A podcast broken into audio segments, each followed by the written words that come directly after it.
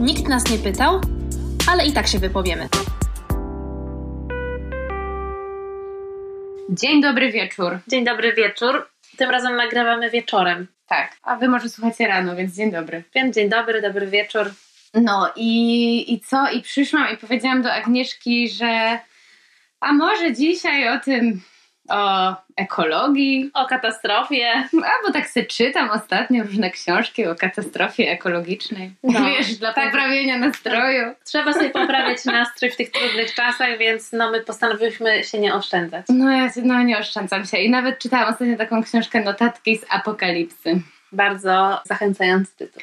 No masakra. Też tam jest o katastrofie ekologicznej, oczywiście, zbliżającej się nieuchronnie, jak wszyscy wiemy. Czytałam też ostatnio taką książkę trochę sceptycznie podchodzącą do katastrofy ekologicznej. Co to znaczy? Ten e, autor e, Björn Björn? jakoś tak ze Skandynawii pochodzi, więc chyba Björn Lomborg nazywa się sam sceptycznym ekologiem. Mhm, ciekawe. I nie kwestionuje tego, że jest źle z planetą, ale mówi o tym, że, no, że to jest taka medialna panika, żeby to nazywać katastrofą i w ogóle. Mhm. No myślę, że nie ma racji. I No, przez całą, raczej książkę, no, przez całą książkę próbuję udowodnić, że to akurat tu się trochę chyba z nim zgadzam, że już nie powstrzymamy tej pędzącej ku zagładzie machiny kapitalistycznej. no pewnie nie. I ma kilka ciekawych obserwacji, ale Nie odmówisz mu tego. no nie odmówię mu tego, że parę ciekawostek tam wrzucił. Wrzucił. Ale Ale no przez całą książkę próbuję udowodnić, że zamiast inwestować na przykład w energię odnawialną, powinniśmy się skupić na tym, żeby się adaptować do tego, że będzie coraz gorzej Mhm. i nie wiem, e, przygotowywać się właśnie na suszę, inwestować pieniądze w meliorację.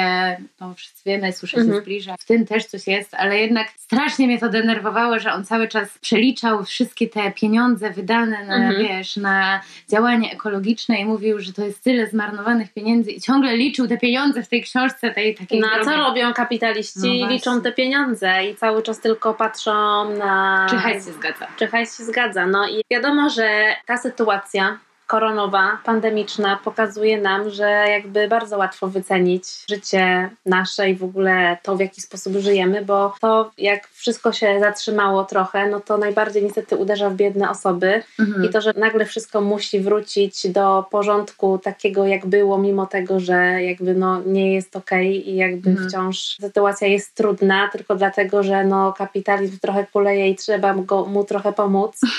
I jakby nie można zatrzymać go, bo on bardzo cierpi i woła nas z powrotem, no to pokazuje, że jednak no niestety wygrywa z nami i to jest trochę przykre, nie? no właśnie. I w związku z tym, że się z tym nie zgadzamy. nie z tym się nie zgadzamy i jakby, no ja mam mindfuck w ogóle, że ja już w ogóle nie wiem, co to jest za życie i jakby o co chodzi z tym wszystkim, bo jakby tyle, ile plastiku potrafisz teraz zużyć wychodząc do sklepu.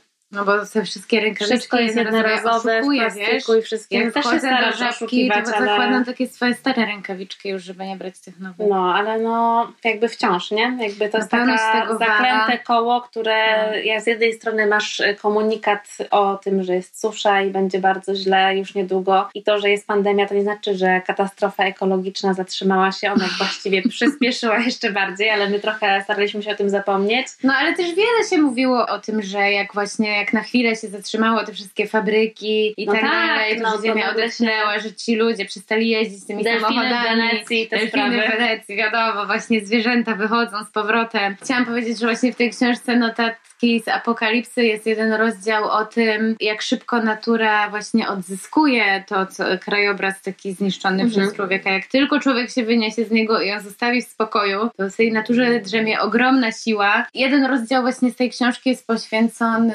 Czarnobylowi. Mhm. I temu właśnie jak w zasadzie to nie było dawno tak naprawdę, nie? Tak. No, więc jak, jak w zasadzie po tam dwudziestu paru latach już odzyskuje właśnie natura tę przestrzeń i, i że tam się wżera już zieleń właśnie w te opuszczone Tak, jest nawet to budynki. pokazane w jednym z tych pięknych dokumentów przyrodniczych, który był na Netflixie jakiś czas temu. Tam jest też właśnie jeden z... A Czarnobyl oglądałaś? Zaczęłam, ale to nie był do mnie dobry czas i stwierdziłam, że powrócę jak będę w lepszym nastroju, żeby tak ciągiem. No ja jeszcze tego nie widziałam, Ale jeszcze nie wróciłam. chciała właśnie sobie zobaczyć. Taki serial na HBO. No. To o to chodzi, tak? Kasia? No tak, żeby... o to chodzi. O bo my wiemy, ale może ktoś tam... Aha, bo nas tylko ktoś słucha tutaj. Ktoś nas teraz słucha, więc czasami musiałybyśmy te skrótowce rozszyfrować. No dobra, no w każdym razie jakby zmierzając do tego, o czym będzie dzisiejszy odcinek, no, no to długi wstęp. Będzie, bo oczywiście się nie zgadzamy z tym, że ten kapitalizm powinien tak galopować Chociaż na szyję. jesteśmy też beneficjentkami tego kapitalizmu ale jako uprzywilejowane białaski. Ale oczywiście. I też ja sobie na przykład zdałam sprawę, że bardzo dużo rzeczy, które mnie denerwują, Mhm. i których brak odczuwam podczas pandemicznej sytuacji, jest związany tylko i wyłącznie z moim przyzwyczajeniami do wygody. Mhm, I jeszcze jasne. gorzej się ze sobą poczułam. No to popraw sobie czymś nastrój. No. Co ci dzisiaj poprawiło nastrój, Agnieszka? Dzisiaj? No. Ty, że przyszłaś. No, a co wcześniej? To Linda zjadła oplątkę?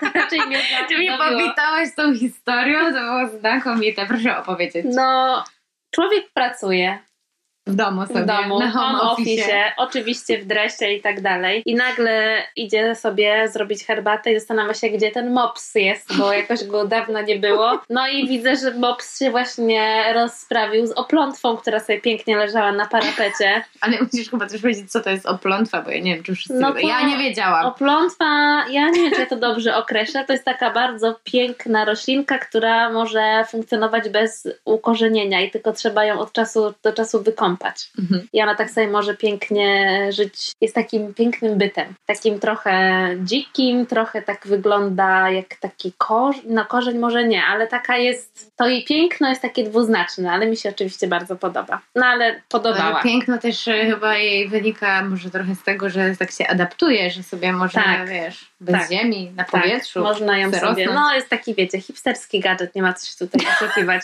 po monsterach przyszedł czas na oplątwy. I no, ale oplątwa przetrwała tutaj 5 dni, bo Linda ściągnęła ją z parapetu i tyle po oplątwie, więc resztę dnia zastanawiałam się, czy zaraz będzie jakiś atak związany z otruciem i przeryłam internet w poszukiwaniu hasła, czy oplątwa jest trująca dla psa. Niczego się nie dowiedziałam. Ale Linda żyje i chrapie tu sobie. Tak, jak słyszycie, cały czas chrapie, więc wszystko jest w porządku. I taki to był wstęp. Było to idealnie po prostu w dzień, w którym postanowiłyśmy, że nagramy odcinek trochę ekologiczny i oczywiście nie byłybyśmy sobą, gdybyśmy tego nie powiązały z feminizmem. No bo to się wszystko pięknie łączy. No oczywiście. I jakże jeszcze nie dostrzegacie piękna tej filozofii feministycznej, to naprawdę... Obudźcie się. Wake up! I co ten ekofeminizm mówi takiego? No ten ekofeminizm mówi, że dosyć tej dominacji człowieka. Tego panowania nad planetą. naturą, nad planetą i po prostu mówi dosyć ucisku i tego, w jaki już. sposób świat jest urządzony. Błaga. A że jest zbudowany na ucisku biednych kobiet i przemocy fizycznej, ekonomicznej, społecznej i tak dalej, no to feminizm przychodzi z pomocą i mówi stop! stop it right now! No i właśnie no. podkreśla takie związki kapitalizmu z patriarchatem. Że to się tak przypadkowo jakoś łączy. Pięknie się wspiera. Tak. No właśnie nie pięknie, ale to jest rzeczywiście jakaś tam symbioza tych dwóch systemów. No i nie będziemy tutaj jakiegoś wykładu robić z ekofeminizmu i z tego, co to jest, ale trochę chcielibyśmy też o tym pogadać, żeby powiedzieć, że rzeczywiście no, to się tak fajnie łączy też, no nie wiem, symbolicznie, że tak. wiesz, że ktoś tak mówi o kobietach, że są bardziej związane z naturą, że bardziej może wpływa na nas też chociażby księżyc, że bardziej od, odczuwamy zmiany pogody. No, ale to też jest chyba związane z takim po prostu binarnym podziałem, no związanym tak. z tym, że to co racjonalne to męskie, a to co jakby dzikie, dzikie nieokiełznane albo niezwiązane do końca z racjonalnym, białym porządkiem to jest no kobiece. Jasne. Mówi się też o płodności, która jest związana z, mhm. z kobietą. Matka Ziemia. Tak, Matka tak. Ziemia, no i oczywiście też z kontrolą tej płodności, mhm. zarówno jeżeli chodzi o reprodukcję i jej kontrolę, jeżeli chodzi o kobiety, mhm. ale też i samą naturę, więc jakby te porównania i te analogie są nieprzypadkowe, wydaje mi się, ale moja taka chyba ulubiona, bardzo krótka definicja związana z tym, czym jest ekofeminizm, to zasadza się na tym, że chodzi o równość płciową oraz sprawiedliwość ekonomiczną i ekologiczną. Ale też o równość międzygatunkową. O tak. Trzeba to uzupełnić. Koniecznie. Trzeba to uzupełnić, bo to też jakby o to chodzi nie tylko o tę równość, ale właśnie też o to, żeby przestać myśleć o sobie jako, że jesteśmy pępkiem świata. Oczywiście. Planeta sobie bez nas doskonale poradzi. I że my możemy użytkować tę planetę w taki sposób, jaki Właśnie. chcemy. No i Wykorzystywać ją to, ponad miarę. raczej nam trochę to nie wyszło, bo wszyscy położyliśmy do tego Mhm. rękę, no to chyba jakby cały czas, znaczy odczuwamy coraz mocniej, że coś tu poszło nie tak. No więc właśnie dlatego też ten ekofeminizm wzywa trochę do działania i do takiego... Bardzo wzywa do działania. Mhm. On jest taki też bardzo zakorzeniony w ogóle z aktywizmem lat 70. Mhm. i tak dalej, więc jakby on jest bardzo taki postulujący, ale postulujący działania przede wszystkim, nie? No, więc zachęca do tego, żeby się z tą naturą i z przyrodą bratać bardziej i rzeczywiście, powiem Ci szczerze, że też mi to na przykład pomaga. Bardzo Mhm. często. Ja sobie mogę, mam też ten, ten przywilej też mam, Tak. że mogę sobie pojechać pod Poznań na ogródek Mhm. z moją mamą. I jest tam też hamak, Mhm. a dla mojej mamy leżak. No, Ale największą przyjemność jednak z bycia na tym ogródku to ja czerpię z tego, żeby tak sobie coś może tak, nie wiem, kompostu przekopać. Albo wiesz, jakieś suche gałązki poobrywać.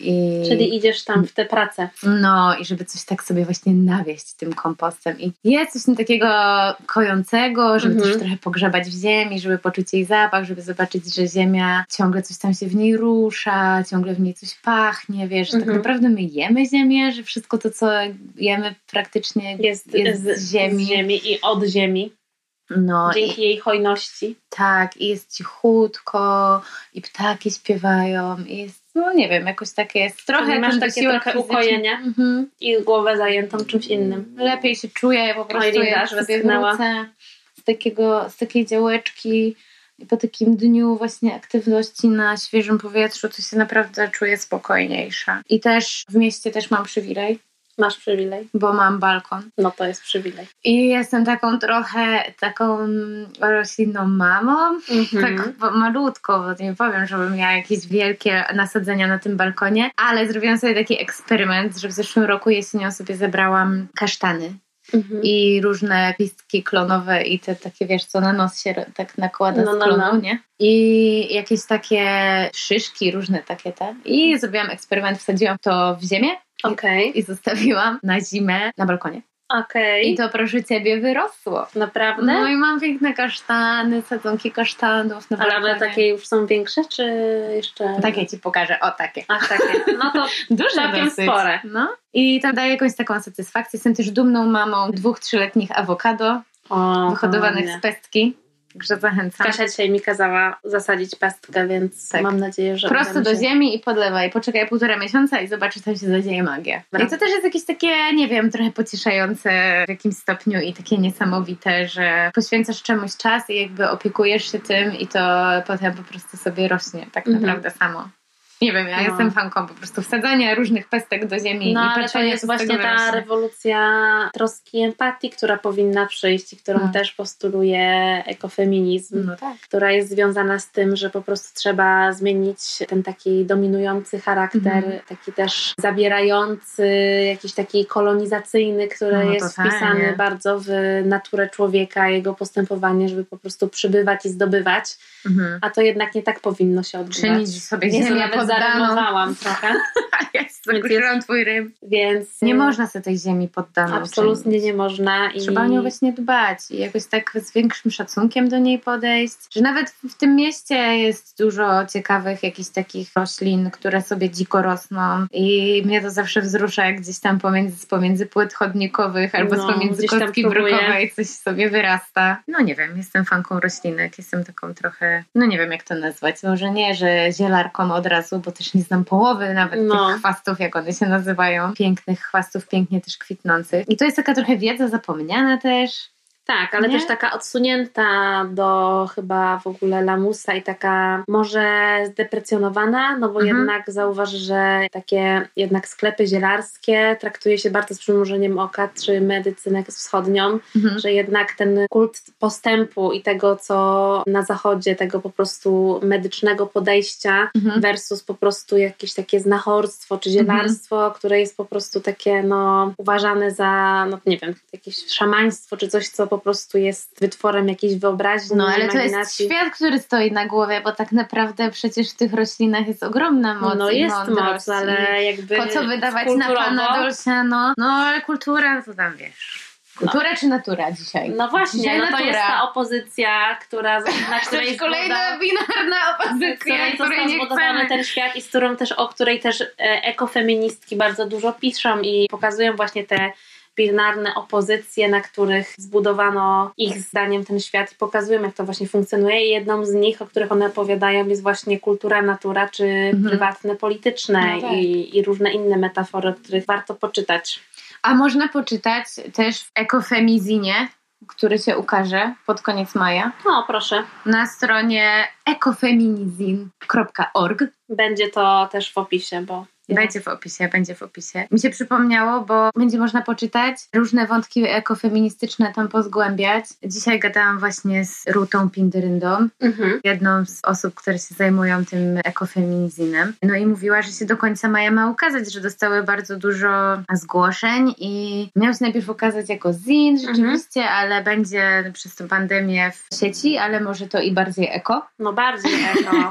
No, ale też Ruta i Sara to są dwie takie dziewczyny, które działają w Stowarzyszeniu Dziewczyny w Naturze. Mhm. I Możecie znaleźć na fejsie na przykład. też rzucimy. I też między innymi robią takie kursy zielarskie dla mieszczuchów uwięzionych właśnie bez dostępu W do... betonie. Wydawałoby się, że uwięzionych w betonie i bez dostępu do roślin, a tak naprawdę w mieście jest bardzo dużo roślin i też można je tutaj poodkrywać. No i dziewczyny robią właśnie też takie kursy zielarskie z rozpoznawania roślin, Mhm. które są wokół nas, które nam towarzyszą na co dzień. Zachęcają do tego, żeby sobie jakiegoś chwasta może, który gdzieś tam właśnie walczy o przestrzeń pod murkiem wziąć do domu albo na Mhm. balkon. W tym roku prowadzą też CIL na Piątkowie, Centrum Inicjatyw Lokalnych na Mhm. Piątkowie, więc tam też można śledzić ich działania, więc jak ktoś ma zajawę, to na... Piątkowo to takie No. osiedle w Poznaniu. Może ktoś jest spoza Poznania, kto nas słucha. A no tak, To wiem. Piątkowo to takie osiedle w Poznaniu, nawet tam jest właśnie też trochę dalej od centrum, więc trochę więcej chwastów tam rośnie pewnie. Tak, I Z różnych pewnością. chwastów i chaszczów. Także jakby ktoś chciał z, z Poznania poeksplorować te tematy, to też na pewno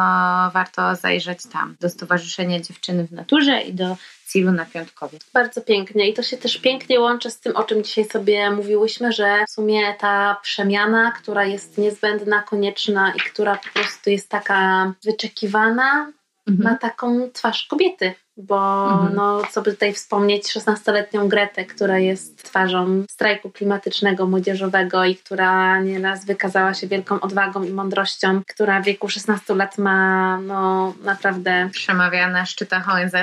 Przemawia na szczytach ONZ i jest taką trochę nadzieją na to, że kogoś jeszcze coś obchodzi i może jeżeli ktoś w taki poruszający sposób i w tak młodym wieku potrafi opowiedzieć o rzeczach, które są naprawdę ważne i które gdzieś Mhm. y, uwierają nas wszystkich i może ona po prostu, znaczy ja oczywiście mój idealizm trochę przemawia, bo trochę No ale o Jakby- idealistce też mówisz, nie? No tak. Idealiści Bo tak po prostu sobie myślę, chyba. że ładnie to pięknie brzmi, ale jest mało realistyczne trochę. W sensie, no jak tak patrzę na to, jak świat wygląda, chociaż ja bardzo ograniczam swój dostęp do wiadomości, bo po prostu dla mnie to jest tłumacz, co się dzieje i jakby jeszcze bardziej mnie wprowadza w jakieś stany lękowo-depresyjne, więc ja sobie ostatnio odmawiam, więc tylko śledzę ty- tyle, ile muszę. Ale jakoś tak w moich idealistycznych wyobrażeniach to po prostu po jednej takiej przemowie po prostu nagle świat mówi tak, byliśmy w błędzie. No, budzi się. Tak. Co ty stara, już ludzie sobie prędzej wyobrażą koniec świata niż koniec kapitalizmu, się nigdy nie skończy. ale żeby jakoś nie było tak bardzo depresyjnie i tylko narzekająco, to możemy powiedzieć, że to nie jest tak, że jesteśmy hopeless i w ogóle nic, tylko że No każda mała decyzja ma znaczenie i każde nasze wybory, które są inne od tych, które wydają nam się po prostu wygodne. I to mnie też tak wkurzało w tej książce tego Lomborga, że on mówił właśnie, że nie mają znaczenia te wybory Tak, nie takie mają. pojedyncze. Ja mówię, co gościu, puknij się w głowę, jeszcze nam chcesz sprawczość sprawczość zabrać. No. Właśnie mają, ja też uważam, no, że sprawczość mają. i lokalność to jest to, co według mnie może wygrać. No, a poza tym, kurde, nie wiem, ja, ja nie znoszę takiego, że nie, nie ma to znaczenia na skalę globalną i tak dalej. No Mhm. jakby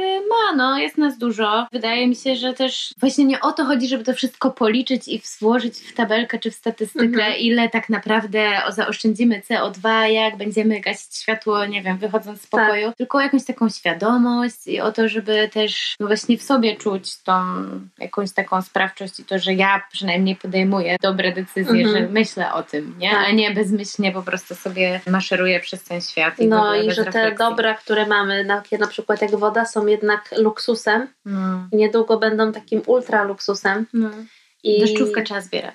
Tak, trzeba. I też a propos takiego myślenia globalnego, to mi na przykład też pomaga w przetrwaniu kryzysu takie myślenie właśnie z perspektywy trochę większej. Mhm. I a propos tego, że przywilejowanie jest taką kategorią, którą staram się cały czas w swojej głowie aktualizować i pod tym względem, żeby sp- sprawdzam po prostu w jakich takich najprostszych rzeczach, które wydają mi się oczywiste, jest to jednak przywilej, a nie jakieś takie moje prawo, które Mhm. wynika z tego, gdzie się miałam szansę i szczęście urodzić, w jakiej szerokości geograficznej i w którym miejscu historii. Mhm. Taki zimny prysznic może przynieść książka, której ja przyznam nie przeczytałam w całości, bo jednak poziom przytłoczenia mnie pokonał i depresji, ale Mhm. uważam, że trzeba o tej książce powiedzieć, Trzeba. bo to jest jedna według mnie z najważniejszych książek, jakie w ogóle powstały. Jest to reportaż Martina Kaparosza Gut. To nie jest najnowsza jakaś pozycja, już parę lat temu ona wyszła, no ale mam takiego przyjaciela Michała, którego serdecznie pozdrawiam, powiem, że słucha to on czytał tę książkę dwa razy, ale on też wykupił kilkanaście egzemplarzy i on po prostu ma taką misję, żeby rozdawać tę książkę Wow. ludziom i też opowiadać o tym, co tutaj ważnego się wydarzyło. No i ta książka po prostu jak mantrę powtarza jedną ważną rzecz, przytaczając bardzo jakby przytłaczające fakty na temat tego, jak żyjemy i jak ludzie żyją w innych szerokościach geograficznych i Mhm. jak to, że nie potrafią sobie wyobrazić nawet jakby takie oczywiste pytanie związane z tym na przykład o czym marzysz, to dla nich Mhm. jest tak abstrakcyjne, że nie potrafią w ogóle odpowiedzieć na to pytanie i zrozumieć zasadności tego pytania, ponieważ dla nich ta codzienność i marzenia zdają się na tym, że jak na przykład przetrwać, Mhm. Żeby mieć co jeść. żeby w ogóle przetrwać i żyć. Więc No. jakby to naprawdę jest bardzo duże zderzenie z tym, jakby w jaki sposób my myślimy i w jaki sposób na przykład realizujemy kompulsywne kupowanie Mhm. i różne inne rzeczy. No ale mantra, o której wspomniałam i która przewija się przez tę książkę i która jak już się raz zacznie, to przeczyta chociaż jeden rozdział z tej książki, to naprawdę wejdzie wam głowę, jak możemy żyć wiedząc to wszystko. Bo to nie są rzeczy, o których my nie wiemy.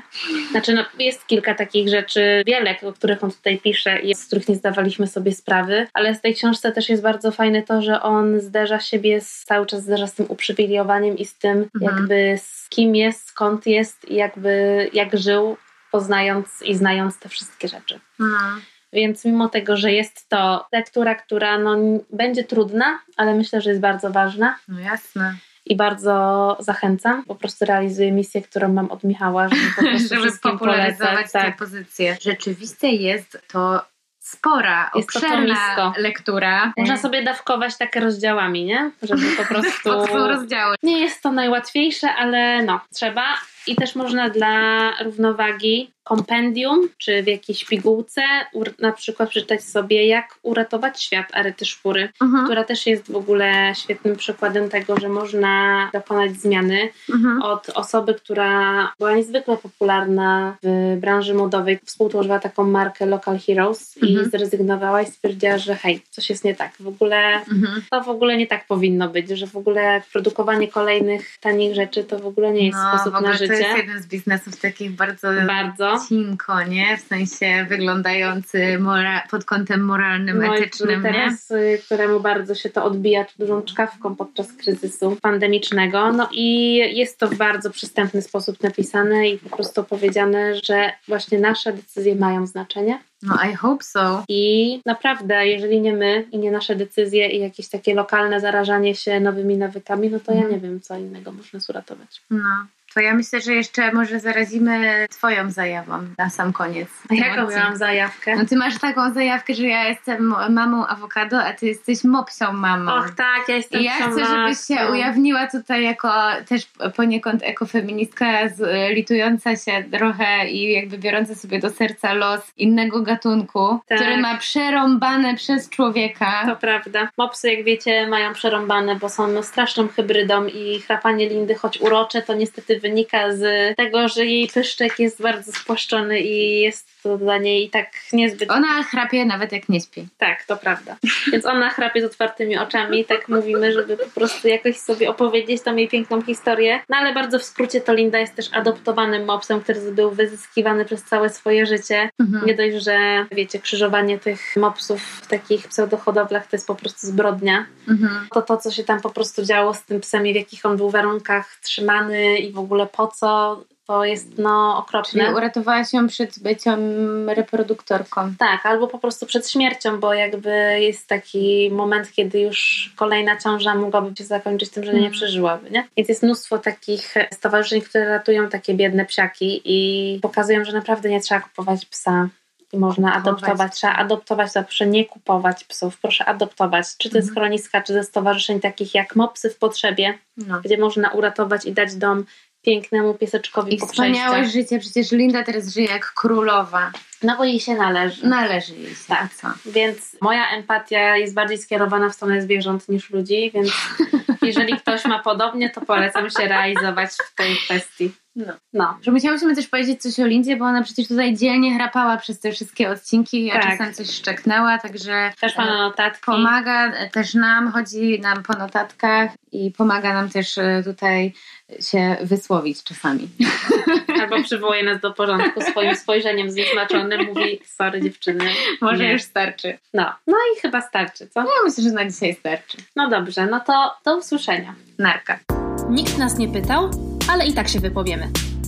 Producentem podcastu jest Estrada Poznańska. Wszystkie odcinki znajdziesz na estrada.poznan.pl